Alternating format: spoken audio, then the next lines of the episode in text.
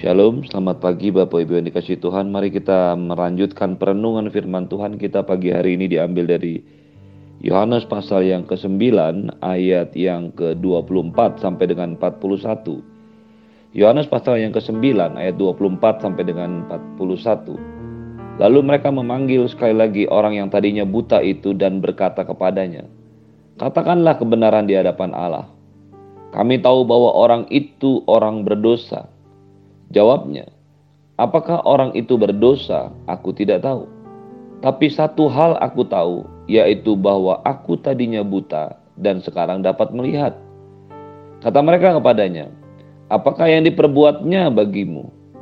Bagaimana ia memelekkan matamu? Jawabnya, telah kukatakan kepadamu, dan kamu tidak mendengarkannya. Mengapa kamu hendak mendengarkannya lagi? Barangkali kamu mau menjadi muridnya juga. Sambil mengejek mereka berkata kepadanya, Engkau murid orang itu tetapi kami murid-murid Musa. Kami tahu bahwa Allah telah berfirman kepada Musa tetapi tentang dia itu kami tidak tahu dari mana ia datang. Jawab orang itu kepada mereka, aneh juga bahwa ia telah memelekkan mataku. Aneh juga bahwa kamu tidak tahu dari mana ia datang, sedangkan ia telah memelekkan mataku. Kita tahu bahwa Allah tidak mendengarkan orang-orang berdosa, melainkan orang-orang yang saleh dan yang melakukan kehendaknya. Dari dahulu sampai sekarang, tidak pernah terdengar bahwa ada orang yang memelekkan mata orang yang lahir buta. Jikalau orang itu tidak datang dari Allah, ia tidak dapat berbuat apa-apa. Jawab mereka, engkau ini lahir sama sekali dalam dosa, dan engkau hendak mengajari kami? Lalu mereka mengusir dia keluar. Yesus mendengar bahwa ia telah diusir keluar oleh mereka. Kemudian ia bertemu dengan dia dan berkata, Percayakah engkau kepada anak manusia? Jawabnya, siapakah dia Tuhan? Supaya aku percaya kepadanya.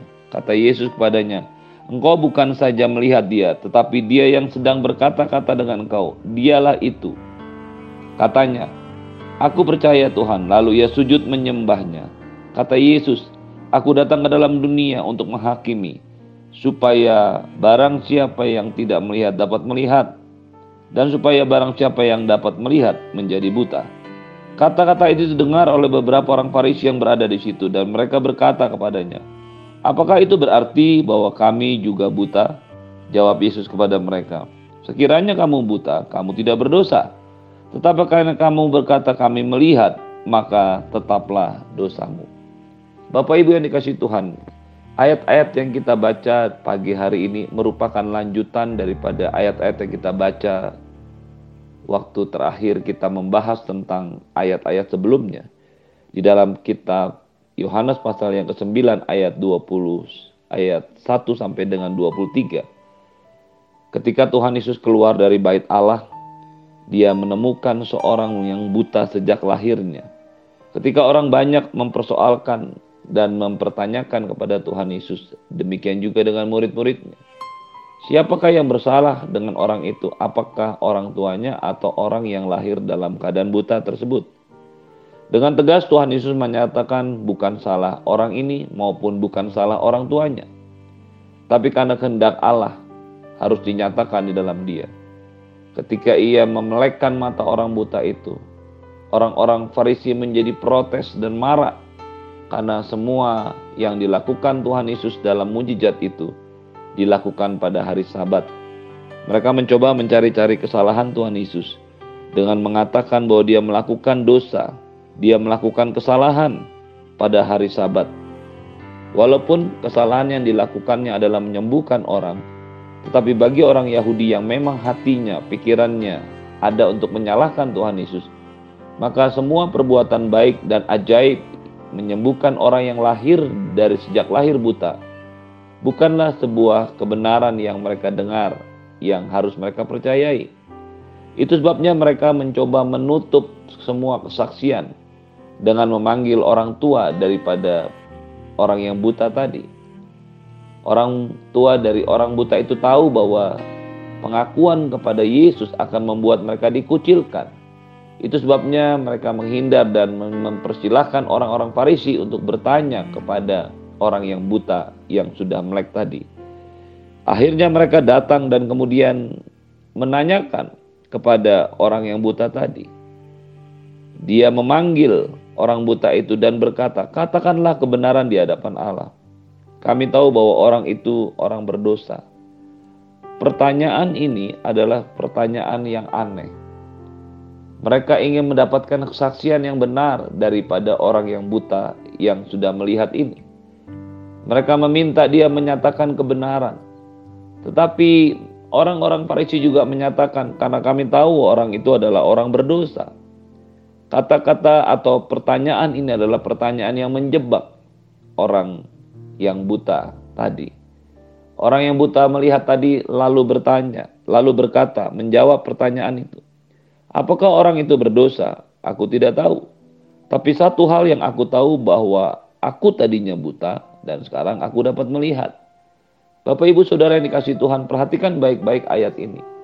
Ketika orang-orang Farisi ingin bersoal jawab, ingin mencari-cari masalah, ingin memutarbalikan kebenaran tanpa mereka tahu kebenaran yang sejati itu apa. Mereka hanya ingin bertanya-tanya tentang teori-teori hal-hal yang mungkin bersifat teologis. Mereka meminta pengemis buta yang melihat ini untuk mengatakan kebenaran, tetapi mereka sendiri menyatakan ketidakbenaran. Pikiran mereka sendiri sudah ditutupi oleh ketidakbenaran. Mereka menuduh Yesus adalah orang berdosa. Mereka menyatakan Yesus adalah orang berdosa hanya karena Tuhan Yesus menyembuhkan orang itu pada hari Sabat. Itu sebabnya pengemis buta yang sudah melihat ini, yang disembuhkan Tuhan Yesus ini, menjawab dengan satu kalimat yang sangat luar biasa dan ini sangat menginspirasi kita. Aku tidak tahu bagaimana orang itu berdosa atau tidak. Tetapi yang aku tahu, aku tadinya buta dan sekarang dapat melihat. Kebenaran ini menjadi satu catatan penting buat setiap orang Kristen.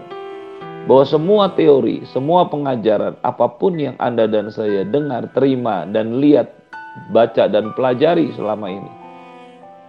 Haruslah diikuti dengan sebuah pengalaman rohani. Pengemis yang buta yang sekarang bisa melihat ini berkata, Aku tidak tahu apakah ia orang berdosa atau tidak. Aku tidak tahu konsep orang berdosa menurut versi kamu. Tapi satu yang pasti yang tidak bisa dibantahkan. Aku tadinya buta dan sekarang melihat. Kekristenan bukanlah sekumpulan teori atau dogma atau doktrin Kekristenan adalah kumpulan kehidupan, pengalaman bersama-sama dengan Allah. Kita tentu saja memerlukan doktrin, memerlukan pengetahuan, memerlukan pengajaran. Tapi semua pengajaran tersebut tanpa pengalaman rohani menjadi hal yang membingungkan dan menyulitkan. Sebaliknya, semua pengalaman rohani tanpa pengajaran yang benar akan membuat kita berpikir bahwa pengalaman rohani tersebut merupakan sebuah pengajaran yang harus diikuti oleh semua orang. Kita perlu menekankan kepada dua hal, mengetahui firman Tuhan, belajar firman Tuhan, dan juga mengalami peristiwa-peristiwa ajaib bersama dengan Tuhan. Pengemis buta ini yang adalah seorang Yahudi yang terdidik secara rohani melalui walaupun dia buta mengenai pelajaran-pelajaran tentang tanah, tentang Taurat, dia tahu persis apa yang diajarkan oleh Allah. Dia tahu persis bagaimana nilai-nilai kehidupan yang diajarkan dalam Taurat. Dengan tegas dia berkata bahwa ketika orang-orang ya-, Yahudi, ketika orang-orang Farisi menjawab kesaksian dia, mereka mengatakan, apakah yang diperbuatnya bagimu? Bagaimana ia memelekkan kepalamu? Dengan tenang dia berkata, telah kukatakan kepadamu dan kamu tidak mendengarkannya. Mengapa kamu hendak mendengarkannya lagi? Barangkali kami mau menjadi kamu mau menjadi muridnya juga. Sambil mengejek orang-orang Farisi itu berkata, Engkau murid orang itu tapi kami murid-murid Musa. Perhatikan baik-baik Bapak Ibu yang dikasih Tuhan. Orang-orang Yahudi tidak menyadari, tidak membuka mata dan hati mereka untuk melihat kenyataan bahwa Yesus datang untuk menyembuhkan orang buta ini. Memang Yesus melakukannya pada hari Sabat. Dengan demikian Yesus ingin menyatakan siapa dirinya bahwa dia yaitu Tuhan adalah penguasa atau Tuhan atas hari Sabat. Dia ingin menyatakan diri bahwa di atas semua peraturan yang diberikan Allah kepada manusia melalui Musa, melalui kitab Taurat. Maka fokus kita bukanlah bagaimana atau tentang Taurat itu sendiri atau aturan sendiri. Fokus kita tetaplah harus kepada Tuhan. Ketika orang-orang Farisi, orang-orang Yahudi hanya berpusat pada hukum-hukum Taurat, tetapi melupakan Tuhan, maka yang mereka lakukan hanyalah sekedar membolak-balik hukum, hanya membolak-balik peraturan, hanya membolak-balik aturan agamawi. Inilah yang mau Tuhan Yesus katakan, sampaikan, mengapa ia menyembuhkan orang pada hari sabat. Dia bisa melakukannya pada hari-hari lain, tetapi memang Tuhan Yesus sengaja ingin menyatakan dirinya. Dia adalah Tuhan. Orang-orang Farisi itu mengatakan kami adalah murid-murid Musa. Musa asal usulnya kami tahu Allah telah berfirman kepada Musa, tetapi tentang Yesus kami tidak tahu dari mana ia datang. Bapak Ibu yang dikasih Tuhan, hal ini tentu saja sangat membingungkan seorang pengemis buta yang mengalami mujizat Tuhan ini. Dia berkata dengan jelas, Aneh juga bahwa kamu tidak tahu dari mana ia datang, sedangkan ia telah memelekkan mataku. Kita tahu bahwa Allah tidak mendengarkan orang-orang berdosa, melainkan orang-orang yang saleh dan melakukan kehendaknya.